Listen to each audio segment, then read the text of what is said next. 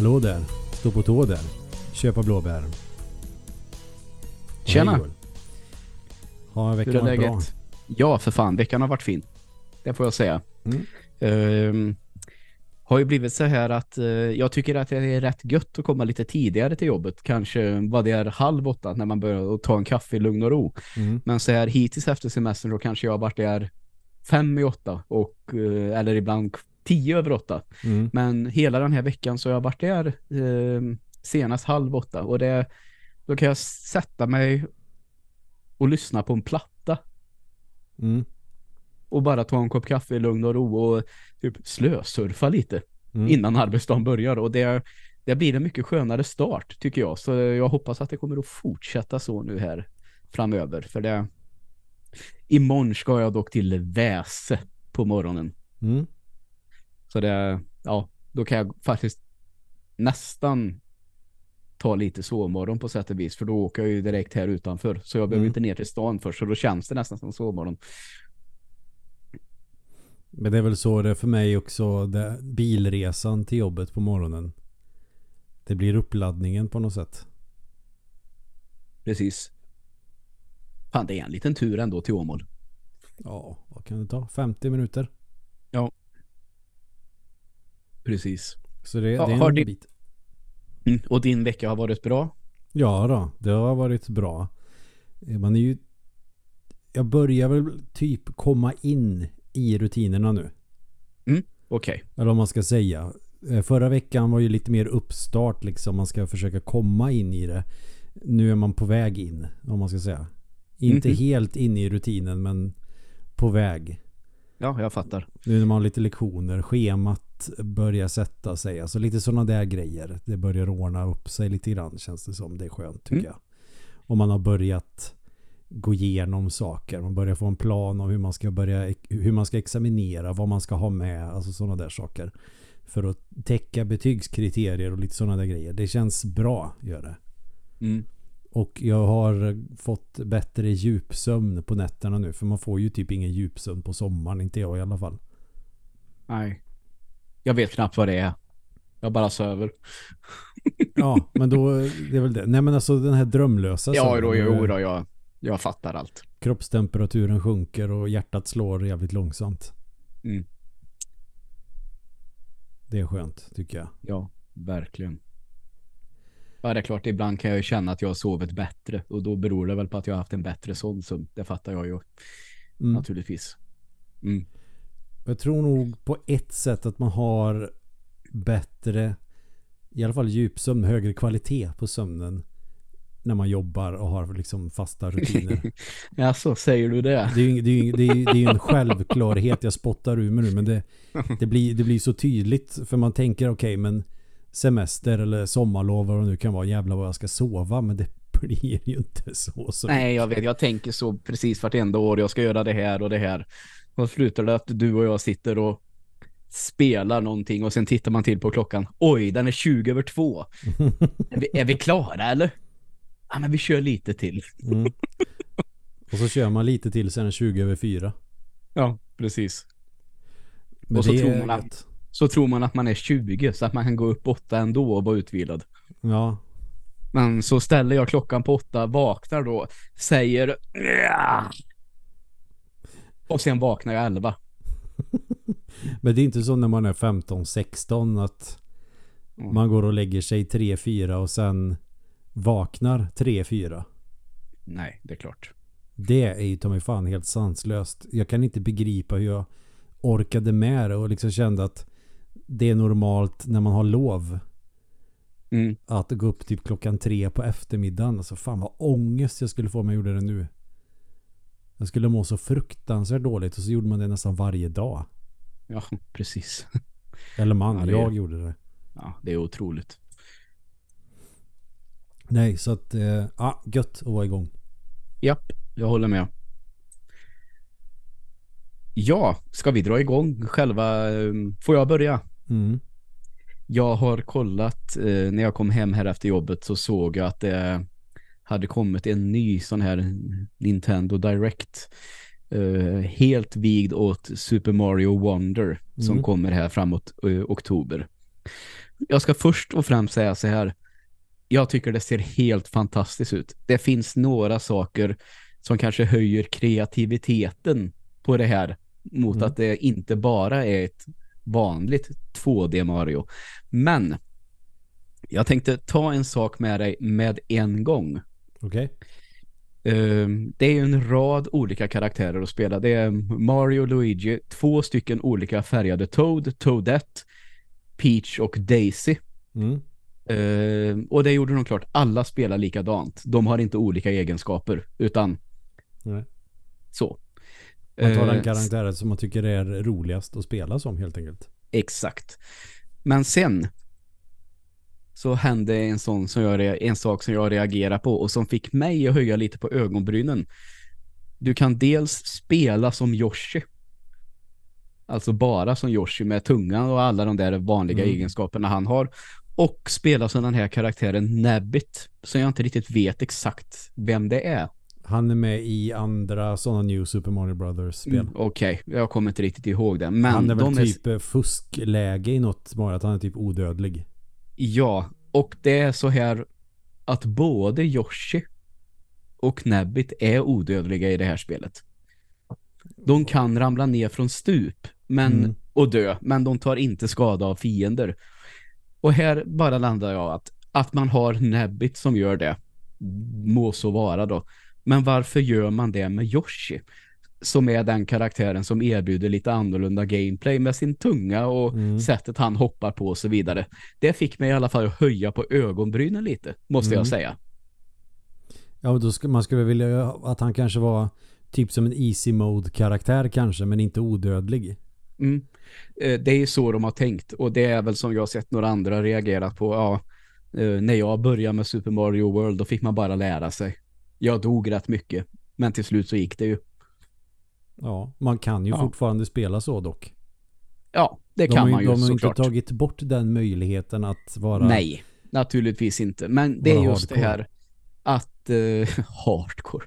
ja, att just eh, att de har Yoshi med det också. Det tyckte jag var det förstod jag inte riktigt. Men det är sån här små grejer. Men om man egentligen tänker efter eh, hur många spel har man sett Yoshi dö genom att nudda fiender och sånt? Ja, nej, det är nog man eh, kan... Nej, okej, fan också. Det är sant. Kanske Yoshi Story-spelen och de här, för då måste det vara så. Mm. Men i ett Super Mario-spel, tänker jag nu då, ingen, inget spin-off-spel. Ja, Och Yoshi's Island räknas inte som en spin-off. Men där kan ju Yoshi dö om man ramlar ner i stup eller eh, ramlar på taggar eller något sånt där. Eller i lava. ja. ja just det. Men Mm. fiender dör ju Yoshi aldrig på. Utan man förlorar ju ett liv när Mario-bebisen flyger iväg. Mm.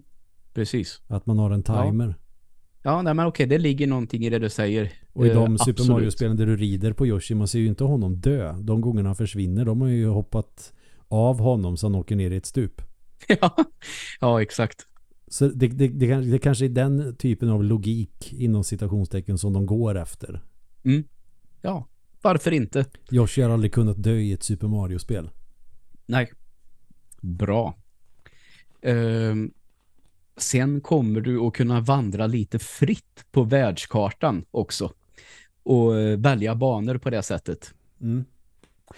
Eh, lite nya, det är den här elefant power-uppen är ju den som eh, har synts mest hittills, tänker jag. Ja. Eh, och det är ju dels att man kan springa igenom block och köra över lite större fiender mycket lättare. Men också i den här snaben ska man till exempel kunna fylla den med vatten och sen vattna på blommor så att det växer upp och man kommer till nya områden på banorna och sådär. Mm. Och sen är det ju de här Wonder Flowers som förändrar banorna helt. Mm. Eh, och där hade jag uppfattat att det skulle se lite sådär knarkigt ut bara. Mhm. Men det kan alltså vara olika på varje banor. Eh, ibland så kommer du ut i rymden, ibland så kommer det ballonger som du kan flyga upp med, ibland blir du jagad av eh, vilda djur och måste springa igenom banan snabbt och så vidare och så vidare. Så det var många olika scenarion som kunde hända Ja, där. okej.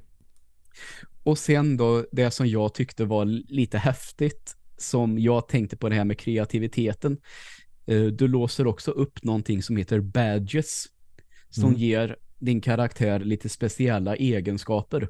Det kan vara att eh, Mario eh, glidflyger med sin mössa eller eh, Daisy med sin kjol. Du kan få så att eh, du simmar som en delfin och massa sådana här olika saker.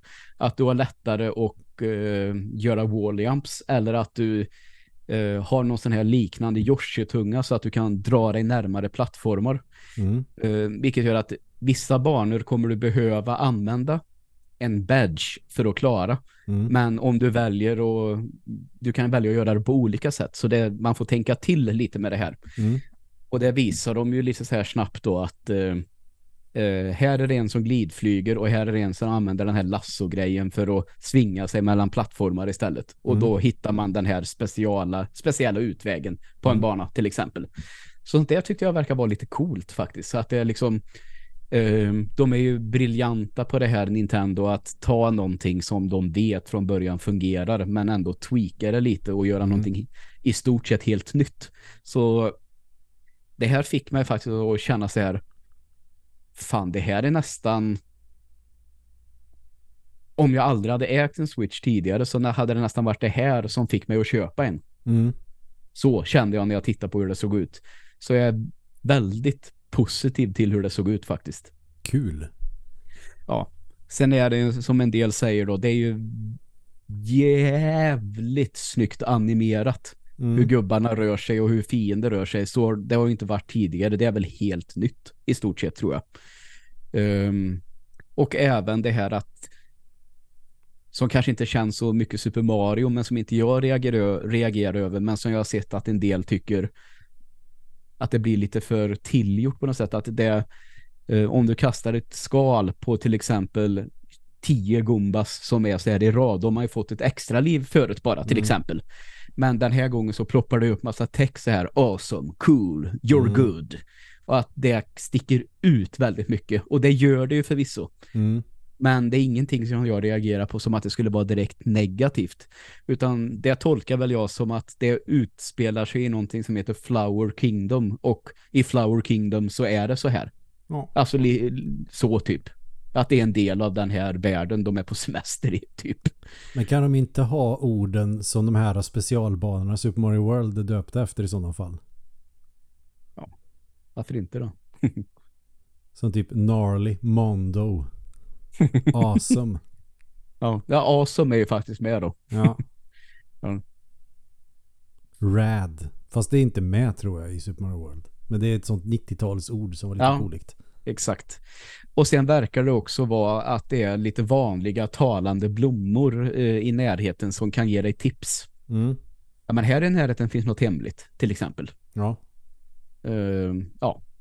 Men som sagt var, det där tror jag kommer vara ett helt briljant Super Mario att spela. Sen har jag en sak till att ta upp bara, Mm. så ska du få ta någonting sen.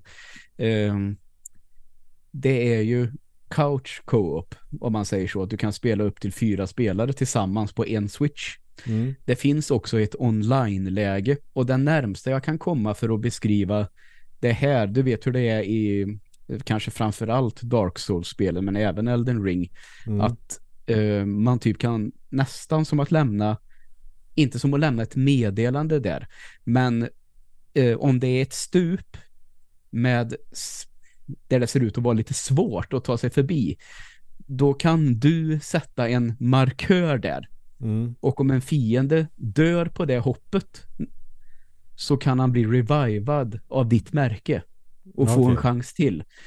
För då är det som, tänk dig, du nämnde ju det här med Baby Mario förut. Mm. Ifall eh, du och jag skulle spela ihop och naturligtvis jag skulle dö på en fiende. Så blir min karaktär till en gubb, till ett spöke. Och om du hinner toucha mig på fem sekunder så kommer jag tillbaka. Coolt. Och så är det även online. För när du spelar en bana så ser du andra spelare som spelar samma bana i realtid.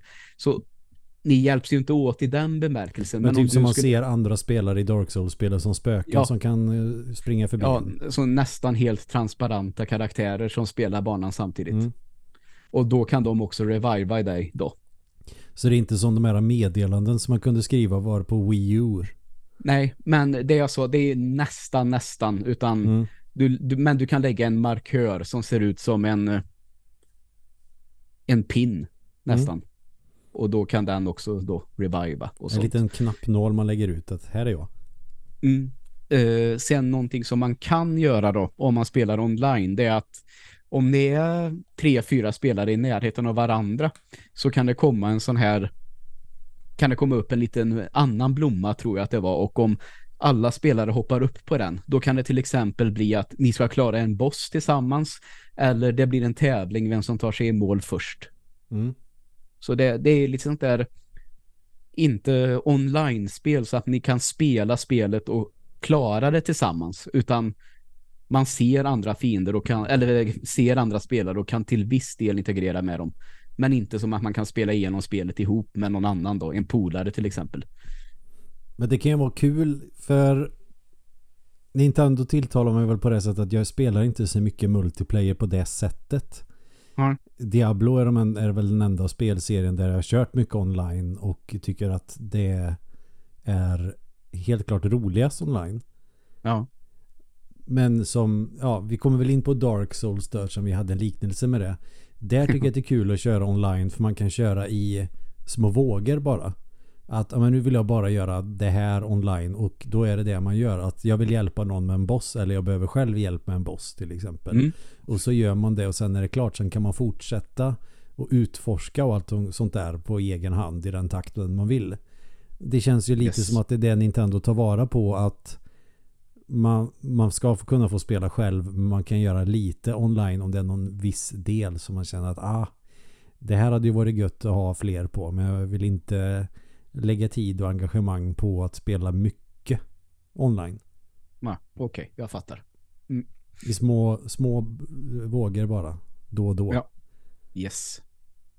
Det, det låter ju som en fantastisk grej. Eh, så det kommer nog bli kul tror jag. Det Mm. lär du väl skaffa, gissar jag. Ja, det, det är Ja. ju givet. Ja. Kommer en helt röd Switch också samma dag. Oj, oj, oj. Som dock inte är en bundle med spelet utan bara en ny Switch. Ja, men det är klart att det inte är en bandel. Ja, Tjänar ju inte lika mycket pengar då. nej, ungefär så. Yes, eh, det var nog vad jag hade inledningsvis om det spelet så här. Mm. Var det något mer du ville ta upp eller kände du dig klar där? Nej, jag tänker att du kan eh, ta vid där om det är något speciellt som har hänt sen förra veckan. Eh, jag har tittat på en film har jag gjort som jag ändå tyckte var ganska trevlig faktiskt. Mm. Eh, The Flash. Ja, okej. Den tyckte jag ändå, alltså asbra var den ju inte, men den var trevlig att titta på. Ja. inte i klass med Marvel-filmerna, alltså Avengers-filmerna. Nej, nej.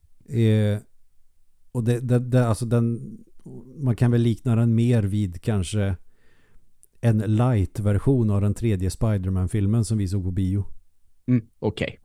Ehm, ungefär vad jag har hört lite om den. Mm. Att eh, den förtjänar inte att dunderfloppa så hårt som den har gjort. Nej, verkligen Eh. inte.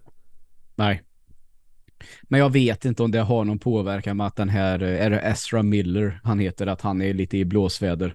Ja, jag kan man väl säga. får säga- verkar ju helt, eller, Mm. eller Jag ska bara, säga så, jag har inte ens orkat sätta mig in i exakt vad det är han har gjort. Och jag ska vara helt ärlig. Men ja, det, det är väl en jävla massa saker. Det, alltså det är ju olaga hot och eh, massa helt sinnessjuka grejer tydligen. Ja. Eh, men jag, nu, nu sa ju Karn, nu får jag väl eh, backa lite här att det är en person som är eh, icke-binär. Då kan man Ah, inte säga okej. Karn. nej okej. Jag får passa mig lite där. Assume Mm. genders och sånt. Det, det är ju Ja, inte ja. schysst faktiskt. Nej. Men, nej men det verkar ju vara en person som är helt jävla galen. Så är det. Det har jag i alla fall förstått. Det finns en lista nämligen som, ska vi se, nu är det någon sån här jävla cookies-grej. Det är ju ett jävla oskick. Men eh, jag hittade en lista på filmtopp.se där det står alla brott som The Flash-stjärnan Ezra Miller anklagats för. Ja. Det verkar vara ganska mycket. Till exempel 20, april 2020 så tog han stryptag på en kvinna och kastade den i marken. Det är rätt grovt. Ja. Eh, och eh, här, jag läser från sidan nu, från Mm. filmtopp.se, det är min källa. Eh, aggressivt beteende mot en tidigare väninna. Vad hade han gjort då? då? Han hade, ska vi se, betett sig våldsamt mot henne i hennes lägenhet i Berlin. Hon hade Okej. varit rädd för att han skulle attackera henne fysiskt och att hon kände sig otrygg. Mm. Och så, sagt en massa saker och anklagat henne för att kalla honom för massa transfobiska grejer tydligen. Eh, och jäklar, minst 10 polissamtal i mars förra året, alltså 2022 då. Så hade han alltså fått en jävla massa anmälningar. Mm. Eh, vad hade han exakt gjort? Han hade väl trakasserat folk helt enkelt. Han hade väl sagt till någon, vet, det- framgår kanske inte vem han säger det till men jag kommer begrava dig och din slampiga hustru har han sagt till någon. Eh, Ja. Okej. och eh, också mars 2022 så hade han arresterats för andra gradens misshandel. Då har han kastat en stol på en 26-årig kvinna. Och eh, hon hade fått ett jack i pannan. Av det här. Okej. Har stulit Ja, musik. Eh, just det, han har groomat en 12-åring för, för droger. Och Ja. fått ett besöksförbud från en 11-åring.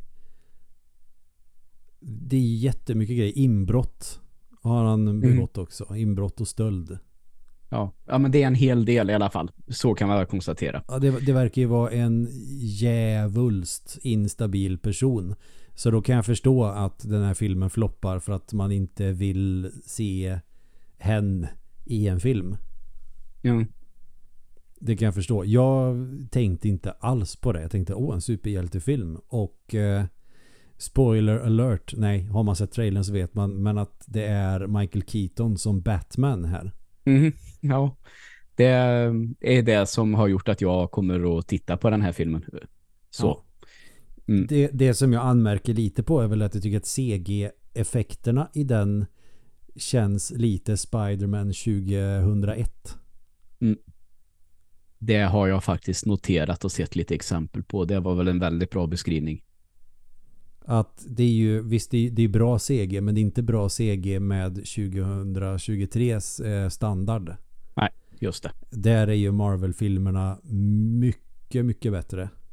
Mm. Det, ibland såg det ut som tv-spel. Alltså när det är skådespelaren fast de gör någonting som inte är fysiskt möjligt för en människa. Mm. Så syns det så himla väl att det är typ en Xbox 360-karaktär ungefär. Ja. Okej. ja. Så kan det gå. Men, men jag, jag blev inte, alltså det är inte någonting som jag tycker är ett stort problem när jag ser på film. Ja. Så länge det som händer är intressant och det var, det var en ganska intressant film. Jag tyckte den var kul. Mm. Och har man sett första Batman-filmen då med Michael Keaton så är det ju en del grejer som får en att liksom mysa till när man ser med grejerna. Ja, okej. Och jag vill väl inte avslöja för mycket nu då, men det är ju lite sådana här Easter eggs som man tänker att ja jäklar, åh.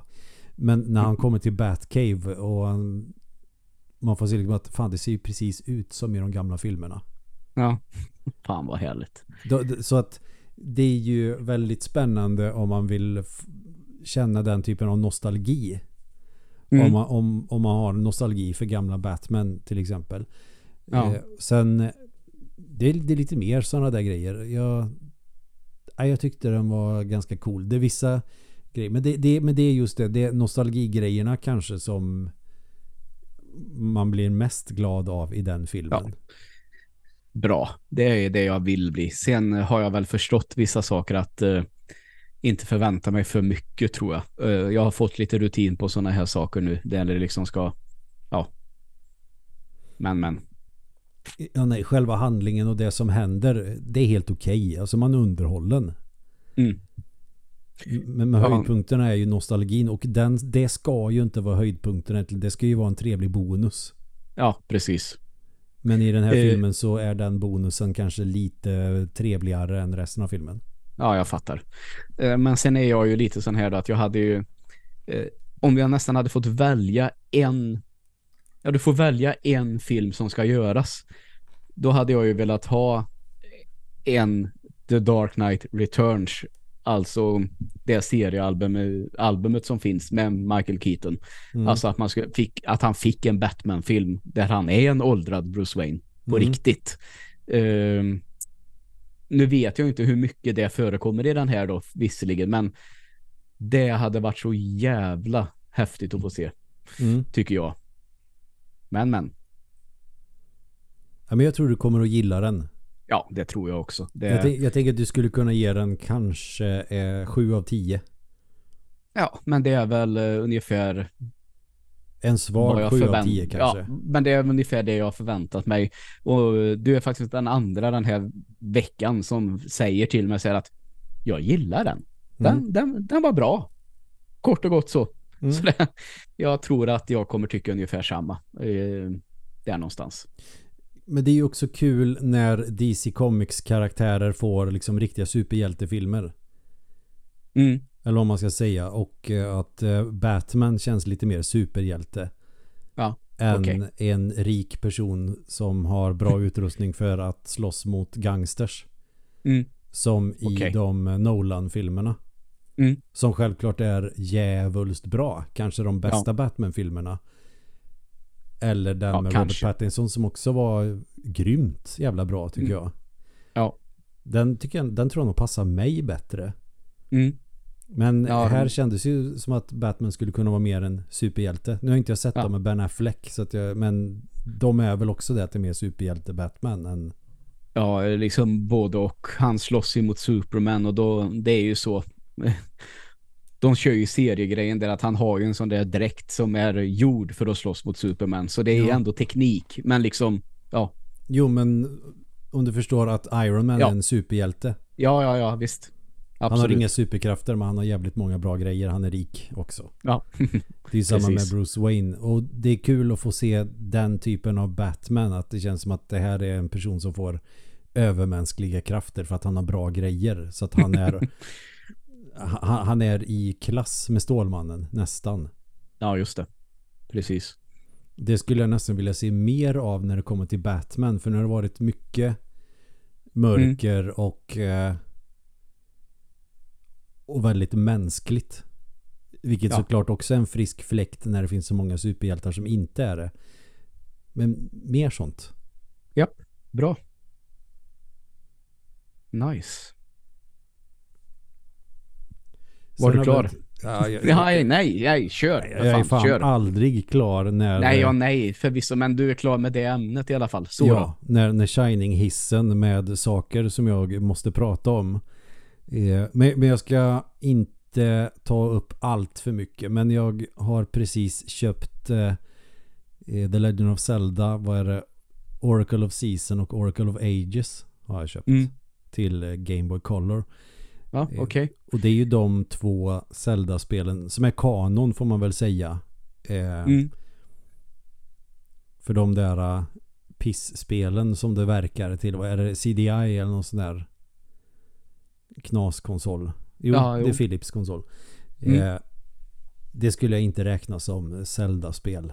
Nej, det, det, det- är bara hittepå. Det är typ som pissdålig eh, fanfiction. ja, men det är nästan så att det, det skulle vara kul att kunna testa dem någon gång bara. Ja, absolut. Bara för att se, bara, man har ju sett, eller jag har sett så jäkla mycket sådana här olika eh, YouTube-profiler som blir förbannade och driver om dem. Men vore verkligen kul att testa hur frustrerande vissa av de där sakerna är. Eh, med hur Tänk de inventoriet spelen är fungerar. typ och- helt okej eller ganska bra till och med. Men eftersom de är så annorlunda. Ja, ja. Nej, men det är väl som de säger att eh, hade man rättat till vissa saker som att eh, eh, när man får lampan i Zelda-spel då- funkar den Mm. för det mesta. Man behöver inte gå och springa och köpa lampolja hela tiden till exempel. Eh, eller man behöver inte köpa ett rep flera gånger. Har man ett rep då går det att använda flera gånger även om det är orimligt till Mm. exempel. Så om de hade fixat till sådana då kan man säga att de hade säkert varit Spelbara. Spel, tack. Spelbara hade de nog varit. Inte bra, men spelbara. Oj jävlar. Nej men i alla fall de två spelen är ju exklusiva till Game Boy Color. Sen kan man ju naturligtvis spela dem på Game Boy Advance också. Det får man, kan man få vissa fördelar för. Sen vet jag inte om det är så att de finns på Nintendos eh, sån här eh, tjänst på Switch där man får tillgång till olika konsolspel. Jag har inte kollat på det på ett tag nu faktiskt. Ja. Okay. Eftersom jag alltid prenumererar på sådana tjänster men likt förbannat försöker spela dem på originalhårdvara istället. Ja, ja, ja. Men det är väl helt okej. Okay. Det är en annan känsla förstås. Ja, för mig är det ju framförallt kontrollen. Man vill spela spela med den handkontrollen som de var avsedda för på något sätt. Jag tycker att det är skit mm. jobbigt att till exempel på min Mr. FPGA eller på en en eh, sån här Raspberry Pi spela ett Nintendo 8-bit-spel med en Playstation-kontroll. Ja, det, det, funkar inte. Jag tycker det känns jättekonstigt. Även om Playstation-kontrollerna är vrölsköna att spela med så känns det fel ja, ja, på något sätt. Ja, ja. Det, jag köper det utan tvekan. Men fan, det, det är rätt bra spel. Det är väl inte så konstigt, det är ett Zelda-spel men eh, jag tänker, okej, okay, då kanske det är lite väl lika liksom Link's mm. Awakening. Mm. Och det, får, det, är ändå en del år emellan dem och Link's Awakening. Ja. För de här spelen kom väl typ 2001 eller något sånt där. Ja, okej. Okay. Okej. Okay. Men jag, jag tycker fasiken att det här känns ju som... Visst, det, det, finns ju likheter med Link's Awakening. Men ganska mycket nytt också. Som jag tycker mm. är ganska trevligt.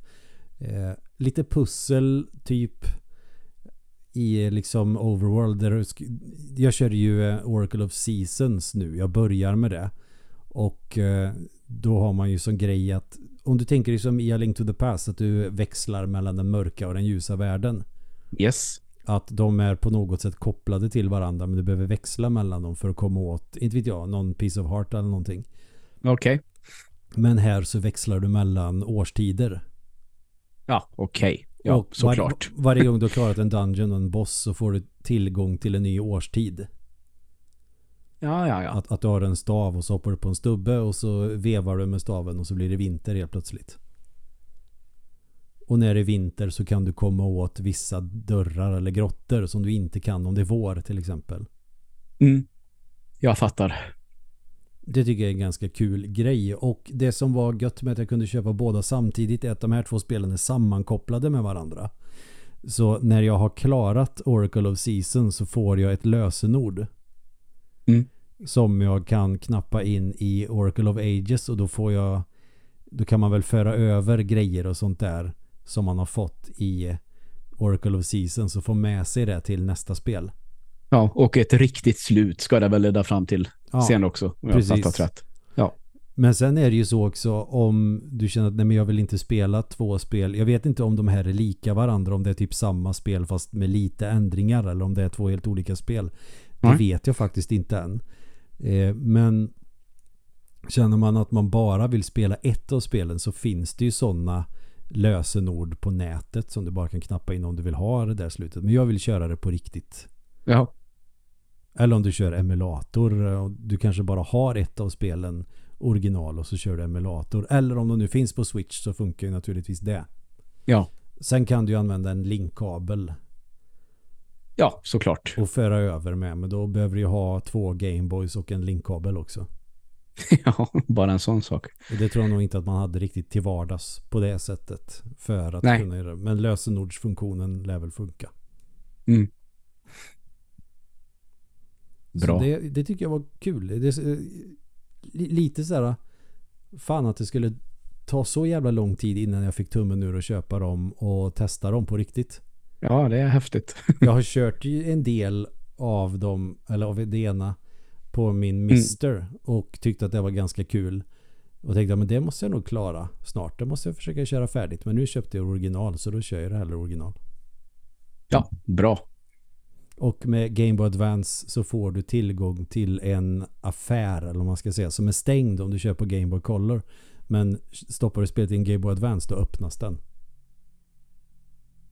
Jaha, okej. Okay. Men jag skulle inte säga att det är någonting som är game breaking om du inte spelar på en Game Boy Advance. Det var inte så att man fick några superfördelar. Man fick någon extra ring för de ska man samla på. Men bonusarna man fick och de begrep jag mig inte på något vidare. Nej, okej. Okay. Inte än i alla fall. Nej, jag fattar. Men det är det. Bra. Sen eh, har det ju börjat eh, dyka upp eh, lite andra intressanta grejer här tycker jag. Det är väl det har ju kommit väldigt, väldigt många stora spel idag i, i år. Inte minst då hittills Diablo 4 och Zelda är väl mm. de största hittills. Uh, men nu är väl nästa stora release på gång nästa vecka och du får väl early access om du har köpt en dyrare version av Starfield. Men uh, klockan Skulle vi kunna stanna lite vid det där? Ja. Bara för jag vill veta vad du tycker om det. Om du pröjsar, vad är det, 300 spänn extra så får du spela det några dagar tidigare. Vad tycker du om det? Uh, jag kan ju säga så här, jag kunde inte hålla mig inför Diablo 4. Mm. Det är första gången jag har gjort så. Var det värt det? Det kan man väl säga. Nej, det var det nog inte. Nej. Egentligen. Men uh, å andra sidan, jag hade en jävligt rolig helg. Mm. Så visst, det var det väl värt. Det jag tycker de har gjort med Starfield nu då, det är att även den första expansionen ingår. Alltså så man den... får ändå någonting för det jag tänkte på att får man verkligen valuta för pengarna om man lägger på 50% mm. av priset för det är ju ändå rätt mycket pengar. Mm. Uh, nej, hade det inte varit en expansion som ingått då hade jag tyckt att det är väl lite så här uh, nästan som att lura folk lite så här som Ja, rövigt skulle jag säga. Ja, lite så här och att det liksom blir lite för folk att de kan inte stå emot de här 300 kronorna eller vad det nu skulle kosta. Um, för en nej, digital väl... utgåva också som alltid kostar typ 100 spänn mer än en fysisk utgåva. Mm. Men det har jag ju sett då. Um, det går ju att köpa, jag vet inte om det heter uh, deluxe. Vi kan väl kalla det att det är en deluxe-utgåva. Mm. Så i teorin skulle du och jag kunna göra så här nu då som har uh, Game Pass. Att uh, vi skulle kunna ladda hem, som jag redan har gjort, den vanliga versionen. Köpa deluxe-utgåvan, men för 300 kronor. Mm. Och då kunna spela klockan två i natt. Ja, okej. Okay. Det, ja. Men som sagt var, då få, kommer vi också få expansionen som jag tror inte kommer ingå i Game Pass-versionen som mm. bara är grundspelet. Så den kommer man ju åka på och köpa förr eller senare om man eh, känner att Starfield är någonting för dig. Men då är alltså att man köper en deluxe-variant och får man med en framtida expansion? Ja, det får man. För det är ju också såna grejer ibland när man köper spel att du kan köpa en deluxe-variant. Då får du och så är det några items som är bra de första fem minuterna i spelet. ja, så kan det ju vara också. Men, Vilket är eh, totalt jävla värdelöst och eh, sånt jävla piss-system. Ja, verkligen. Jag håller, jag håller med om. Men det, det, folk torskar väl på det, men och så, du vet den här typen av spel, du köper spel för fullpris men också en jävla massa mikrotransaktioner. Är det Activision som har en massa sådana spel? Eh, bland annat skulle jag säga. För det vet jag när jag körde det här jag glömmer alltid vad det heter. Grekisk mytologispelet som var lite som Zelda men uh, hela tiden. Ja, jag kommer fan inte ihåg det. Det var väl Ubisoft som gjorde det va? Det var Ubisoft jag tänkte på, inte Activision. Nej, men Activision alltså... har ju sin valuta och det kan man väl ha synpunkter på men det är inte det som är min poäng. Utan Nej. att, eh, ja men som Ubisoft, du, kan, du ska köpa, inte vet jag, Assassin's Creed. Och mm. så tar du en deluxe-utgåva och då får du den här rustningen och så är den bra i fem minuter och sen dödar du en fiende och så får du en ny armor som är bättre. Ja. Alltså sånt där är ju så jävla värdelöst. Eller du får tillgång till de här skinsen. Mm. Ja, nej, jag håller med. Och så pröjsar man typ 400 spänn mer för ett spel. Det är ju så jävla dumt. Eh, svar ja. Men då skulle det alltså potentiellt kunna vara värt att köpa en deluxe-variant av det här. Det blir ungefär som att du får en sån season pass när mm. du köper en Och jag skulle säga att orsaken till att jag inte har gjort det, det är väl det du och jag pratar lite om eh, inför att jag vet inte om jag kommer gilla det här spelet. Jag tror ju verkligen det inför, men det var som jag sa till dig att eh, Elder Scrolls-spelen har alltid funkat jättebra. Har aldrig fastnat för de här 3D Fallout som de Nej. också har gjort. Varken Fallout 3, 4 eller New Vegas. Så det är ju lite sådär Mm. eh, men du uttryckte det väldigt, väldigt bra här förut. Så det får vi få med i podden också, tycker jag. Okej. Ja. Du kommer ihåg vad du sa. Ja, ja, ja, ja, jag kommer ihåg vad jag sa för det är vad jag tycker. Det, så det är inga problem att komma ihåg det. Nej men jag gillar ju visserligen Fallout-spelen men det som jag tänker gör att eh, eller det som jag tror gör att man inte kanske fastnar för dem som i ditt fall är att det, det känns inte tillräckligt mycket action för att vara ett actionspel. Alltså när du springer runt, det är ju typ som ett FPS. Men du har ju accuracy och de här grejerna. Så att även om du siktar på en fiende så är det inte säkert att du träffar. Alltså så. Det blir lite så rollspelselement i det. Så att det är inte hela vägen till ett actionspel och det känns inte heller tillräckligt rollspel för att vara ett rollspel. Nej. Så Fallout-spelen känns lite som att det är emellan de två genrerna och inte någon av dem särskilt fullt ut. Så man får inte riktigt den känslan som man kanske skulle vilja ha av att det är action eller rollspel. Ja. Det är mellanting av båda två. Det går Precis. kanske inte riktigt hela vägen fram. Nej, exakt.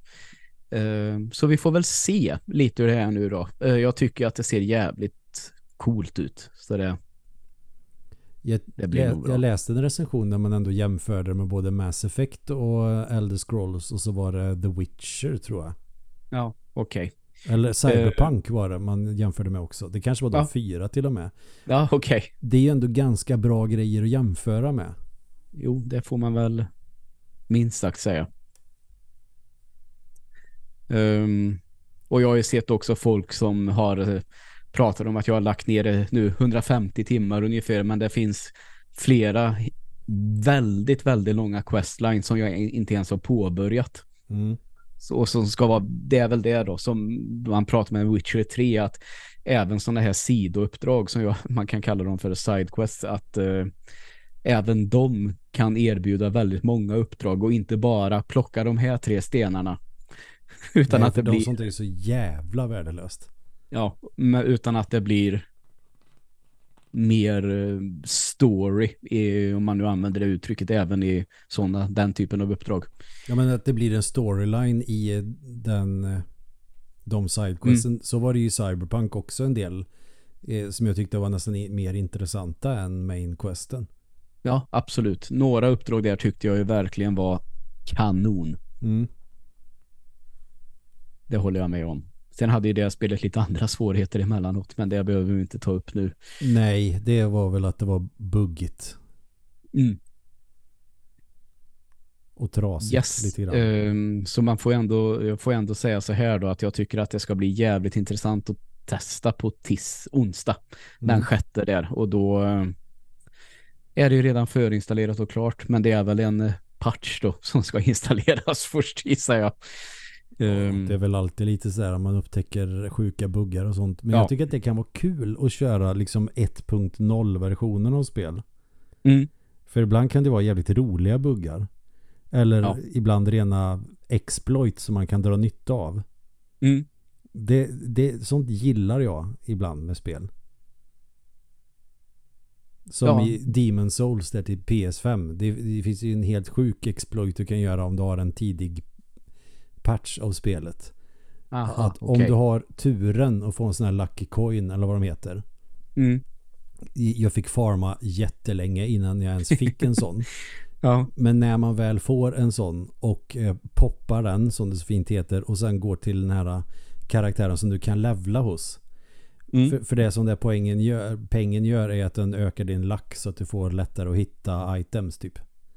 Ja okej, jag fattar. Men om du går och levlar när den är aktiv då ser man hur lack, eh, den statten bara skjuter upp i höjden så du kan ha liksom flera tiotusen eller någonting i lack. Och då finns ett svärd som scalar med lack och då kan du döda alla bossar på ett slag. Ja, perfekt ju. Sådana exploits Som, tycker som spelet var menat att spelas. Ja, och att det var en sån game-breaking bugg som man hittade typ direkt när det släpptes. Ja, fattar inte hur folk lyckas. Alla gånger. den exploiten använde jag för att orka med och ta platinum på det. Men jag körde inte Ja, ja, igenom det första gången med det. För då blir det inte kul. Nej. Men sen blir det kul. Så då kan det vara värt ändå att försöka spela ett spel utan patch bara för att se vad finns det för sådana här ful grejer man kan göra. Så här små Mm. kul exploits man kan göra. Ja, precis. Ehm, får jag fortsätta lite på det här rymdtemat, om man säger så? Ja, och så ska jag försöka att inte avbryta det hela jävla. Nej, för fan. Men jag är klar med Starfield i alla fall. Det ska bli kul att testa. Mm. Eh, hoppas att jag fastnar i det. Mm. Gör jag inte det så får det bli Baldur's Gate istället. Ehm, ja, i alla fall. Ehm, kommer du ihåg att jag eh, skickade en grej till dig att det har kommit uh, i och för sig så streamas de här gamla klassiska spelen men att det finns en sån uh, Ant Stream Mm. till Xbox. Eh, jag kunde inte hålla mig nu. Jag tänkte att det kostar, det kostar 300 spänn att testa. Det kan jag väl i alla fall göra. Jag är jävligt sugen på de där gamla Star Wars-spelen till Super Nintendo som finns. Mm. Så jag har testat det nu. Och eh, har skrikit mig hes till över hur jävla svårt eh, Super Empire Strikes Back är. Jag ska säga så här, det är verkligen inte omöjligt. Det är bara jävligt frustrerande. Men spelar man på easy så har jag i alla fall klarat några banor nu och känner Mm. att det här är görbart. Så. Mm. Och eh, som sagt var, de streamas. Jag tittade på jättemånga recensioner av det innan och konstaterar väl att det är väldigt, väldigt respons responsivt. Vad heter det? Oj, ingen aning. Jag skulle gissa på att man Att, säger responsivt. Tack. Tack. Eh, för att det streamas. Det funkar bra för mig som inte eh, har den relationen till eh, gamla spel som du har kanske. Och Förstår inte du hur jag tänker? ja, Och som inte är sån här petig jävel som jag är som gråter när det är tre frames lagg. Ja, nej. Om man kan säga så mycket som jag känner, jag känner knappt att det är lag. Känner jag när jag spelar det. Så det, det får du komma hit och testa någon gång och ta ett spel som du känner till. Mm.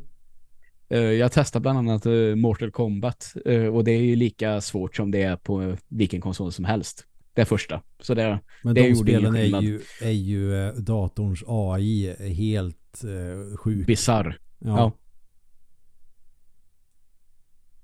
Däremot finns en YouTube-kille eller en YouTube en YouTuber är kanske bättre uttryck. YouTube-kille. Ja, det lät som du var 60 år gammal. Ja, en riktig baby boomer. Nej, men han visar så här ska du göra för att klara Mortal Kombat på en arkad. Okej. Och då menar han att eh, gör alltid de här rörelserna i den här ordningen. För det är ju lite det med den typen av AI från gamla spel att den är ju programmerad att reagera på dina knapptryck och det är därför det är typ omöjligt att klara det. Mm. Så att man måste på något sätt manipulera AI och då visar han, du kör som Johnny Cage till exempel. Först gör du den, sen backar du två steg, blockar och sen gör du den. Ja, okej. Och det ska du göra genom hela spelet. Kul. Ja. Men ja, de där är grymt svåra. Hittar du Mm. något mer kul? Eh, har faktiskt eh, kastat mig över de här eh, Star Wars-spelen direkt. Mm. Eh, sen såg jag att det finns ju lite sådana här som jag kan tycka, även om jag är väldigt, väldigt dålig på dem, så finns det en del sådana här shoot em ups ehm, som är arkadversioner då, som jag kan tycka är lite småkul att spela ibland. Det är väl inte riktigt bullet hell, men för mig som är så dålig på dem så känns det nästan så ibland. Eh, valde något som eh, man är ett flygplan från andra världskriget som ska skjuta ner tyskar. Så. Ja, med 1942, 1943. Ja. Exakt. Och då, alltså det är kul att köra en tag. Sen eftersom det är arkad, arkadversionen så saken är att det är bara, du kan ju lägga in nya mynt direkt. Så Mm. liksom det här, det här klarar man väl om man bara har tålamodet eftersom det liksom är, Ja, ja, du credit feedar typ. Ja. Och sen hade jag också tänkt att eh, det finns några av de här Metaslug som jag tycker är ganska roliga faktiskt. Ja, de är Som jag också jävligt roliga till och med. Som jag också tänkte spela igenom lite. Mm. Ja, så det Och sen finns det ju en massa grejer som jag inte känner till alls. Och någonting som jag faktiskt ska spela eh, som jag aldrig har fått igenom det är de här Indiana Jones äventyrsspelen som är liksom i, i samma stil som Day of the Tentacle och de här. Ja, Fate of Atlantis och de här. Ja, precis. Och de uh, där spelar ju lagg ingen roll upp Nej. har jag ju fattat. Så det, de tänkte jag faktiskt, för de har jag inte sett och spela igenom så smidigt på något annat sätt. Så de tänkte jag faktiskt ta nu. Och då kanske det blir så att om det är för svårt att köra igenom dem så kan jag faktiskt tänka mig att göra det med att titta lite i guide faktiskt. Ja, jag, jag köpte ju Fate of Atlantis eh, på Steam för eh, något år sedan. Ja. Och det är fan, det är rätt kul. Jag, jag vet, jag kollade ju på när pappa spelade när jag var liten, men jag begrep ju inte så himla mycket. Nej. Men, men det där var ju det skulle nästan kunna vara en Indiana Jones-film om du förstår vad jag menar. Ja, ja, exakt. Det är väl det som många säger och det är det som lockar mig. Men det är en sekvens som fick mig att bara, nej nu skiter jag i det här. Okej. Okay. Det, det, kan jag väl förvara med. Nej men det är en sekvens där du ska flyga luftballong. Och Aha. så måste du landa på exakt rätt jävla pixel på kartan. Mm. Men grejen är att du kan inte styra ballongen dit bara sådär utan det blåser väl eller något sånt där så du måste hela tiden eh, köra kompensera för det. Ja, ja, då måste du köra ballongen i cirklar hela tiden och tajma med att trycka så att ballongen sakta åker ner där den ska vara men den rör ju på sig samtidigt. Ja, det låter ju helt fantastiskt. Och det blev jag så grinig på att jag avinstallerade spelet. Mm, jag fattar. Men tar man sig förbi den skiten så tror jag nog att resten är bara bra. Ja, okej. Okay. Mm. Jag kollar nu en liten lista på det. Ainstream hette det va? Uh, Ant. Antstream. Ja. För Som skulle... i myra. Då är jag med. För jag blir lite sugen på om man kunde se en lista så man ser vad det är för uh, någonting. Nej, det finns ingen liten smidig lista direkt så. Det kan jag inte påstå. Okej, men, det, det, men det fanns lite axplock här. Okej, det är Amiga mm. till och med. Fan vad coolt. Ja. ja, men då ska du ju... Då är det Amiga-version av Indiana Jones då? Ja, det är det. Mm. Ja, det är ju fan mäktigt. Alien Breed är ganska kul också. Svårt som satan, men det är kul. Ja. Arkadspel var det ett gäng här också. R-Type är ju bra. Mm. Pang-pang spel om man gillar sånt. Joe and Mac, fasiken var coolt. Jag bara läser upp äh, saker här nu som jag hittar. Som ja, jag, ja, det är lugnt. Det här var intressant. Eh, Atari har inte någon eh, relation till överhuvudtaget. Så sån här Atari 2600 var... Ah. Nej, men det är väl om man eh, vill prova Kaboom till exempel som mm. ser helt hysteriskt ut. Då kan man väl kanske göra det då. Ja, men där har vi kanske den konsolen där ju till och med jag känner att ah, det här är nog lite för spartanskt för min smak. Mm, jo. Eh, Ninja Gaiden finns ju. Ja. Det får jag väl eh, försöka klara första banan på så att och göra det nu då när inte du är med och säger nu dör du på sista filen. Fan vilket as jag framstår som när du berättar sådana här grejer. Jag kanske är det också. Nej, det... Jag bara känner sig, nej men han, han vill inte att jag ska klara det här bara. Det bara är så, så får jag leva med det. Men det var ju en jäkla blandning med datorer och konsoler och grejer, får man ju ändå säga. Ja. Jo. Det är helt sanslöst många olika. Ja, jag vet. Det, det, det är till och med två PS1-spel med. Ja. På Xbox, det är ju spännande. Ja, verkligen. Nej men fan det här kan, jag kan förstå att folk ändå känner att om det är där, fan vad gött. Mm. Ja, eh, och det är så priset ligger ju på 300 kronor eh, året eller runt tusenlappen för att lifetime access. Mm. Mm. Men det blev för ett år för min del nu då, den här gången, så får vi se. Det saken är väl den, jag kommer väl inte använda det supermycket så att det, jag kommer att kanske säga upp det sen då. Men nu har jag i alla fall chansen och jag har varit jävligt sugen på de här två Star Wars-spelen och spela dem igen faktiskt. Mm. Um, och det har ju varit så Super Star Wars, det första finns ju till Playstation idag så det har jag ju kört igenom en gång i år redan. Så det vore kul att ha kört igenom alla dem i mm. år. Så får vi se hur det Jag tycker att en sån tjänst är bra. Fan vad jag säger att jag tänker hela tiden. Det är väl uppenbart att jag tänker annars hade jag inte kunnat säga någonting överhuvudtaget.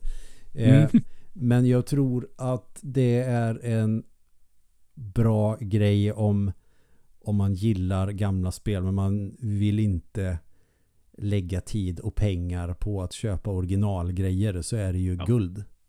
Ja. En Eh, bra det jag- Amiga får du ju pröjsa rätt mycket för till exempel. Och Mm. sen är ju ganska många spel som släpptes till eh, de gamla Commodore-datorerna. 80% är väl skit och de 20% som är bra är jävligt bra. Precis. Och då kanske de kan välja ut de som är bäst. Mm. Exakt. Det är ju rätt nice. Plus att allt är ju inte superlätt att få tag på.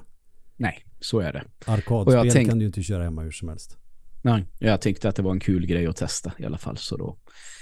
Ehm, de pratar ju väldigt mycket och det här kan väl säga att det låter väl nästan som att det är, de ska vara lite rediga nästan, men att de ser det som att en bevaring av spelhistorien, lite det här som du sa, men alla kommer inte kunna köpa gamla spel och bevara gamla spel och förr eller senare kanske det är så att gamla spel kanske försvinner till slut. Men då ska det i alla fall finnas digitalt. Ja, vissa medium ruttnar ju med tiden. Mm. Eller vad man ska säga. Så det är ju jättebra. Och det finns jättemånga sådana hobbypersoner som bara spenderar en massa tid med att eh, föra över sådana spel och program och allt möjligt till digitala utgåvor. Det finns ju till och med de som har gamla Amiga-disketter med, inte vet jag, någon som har sparat eh, sin skattedeklaration eller någonting på en diskett men ändå sparat det inför framtiden Ja, du hör. digitalt. Så det är ju jättebra att man gör det och man kan inte alltid lita på hårdvara heller för den ruttnar ju också och blir kass Så är det. efter ett tag. Och då är det väl bra om man kan spela dem på något annat sätt. Mm. Därför kanske man borde satsa på att sälja mer FPGA baserade grejer. Ja, varför inte? För det känns ju inte som att det är superdyrt att eh, göra det. Nej, kanske inte ändå. Nintendo skulle ju kunna tjäna multum om de släppte sig en begränsad upplaga av FPGA-baserade Nintendo-konsoler. Ja, exakt. Det, Det kan, man väl, det kan man väl lugnt säga. det patentet har ju gått ut så du kan ju köpa från en tredje part då. Det finns ju eh, vad jag känner till i alla fall två sådana FPGA, FPGA-baserade konsoler som kör Nintendo 8-bit-spel. Mhm. Eh, men fatta vad rika Nintendo skulle bli om de sålde sådana. Ja. Men de skulle ju bli hackade direkt. Såklart. Det tror jag dock inte skulle påverka försäljningen av den maskinen. Nej, det tror inte jag heller. Eller om, säg Playstation 6 säger vi. Mm. ja, Har ett FPGA-chip i sig som kan återskapa arkitekturen på säg Playstation 1 och Playstation 2 när, mm. när den tekniken har gått fram. Eller om den Ja. finns i PS6. Det skulle också vara guld om man kunde spela liksom gamla Playstation-spel så att med, ur ett chip som kan härma Playstation 1 exakt. Eh, det landar väl säkert i något sånt till slut att de löser väl det där, tänker jag. Ja, för det, det är ju lätt om man köper till exempel en, ja, en Mister. Mm. Den har ju ett FPGA-chip och det är bara att välja en kärna och så spelar du den konsolen i princip. Ja. Eh, och tredjepartsutvecklare som gör sina konsoler. Men tänk om Sony och Nintendo skulle släppa FPGA-versioner av sina egna konsoler. Mm. Så skulle det sälja som smör tror jag. Det tror jag också. Men annars funkar ju emulering helt okej. Det får jag ju säga. Ja. Ja. Trots att jag är skeptisk. Ja, ja, det, men, det kan men, man väl men få inte vara. mot emulering som sådant utan jag, jag tycker det är roligare och bättre att spela när det inte är emulerat. Det, blir en helt har annan jag, precision. har jag respekt för, om man säger så. Men den tjänsten då som du har börjat prenumerera på nu ett år var det för 300 Mm. spänn. Ja. Det låter ju som att ja, varför har ingen gjort det här tidigare på det här sättet? Mm, precis. Ungefär med, med så. ett sånt stort spelbibliotek från så många konsoler. Jag tror Mm. inte att eh, Virtual Console ens var nära. Även Nej, om det var ett inte. rätt bra utbud när det fanns. Absolut, det var det.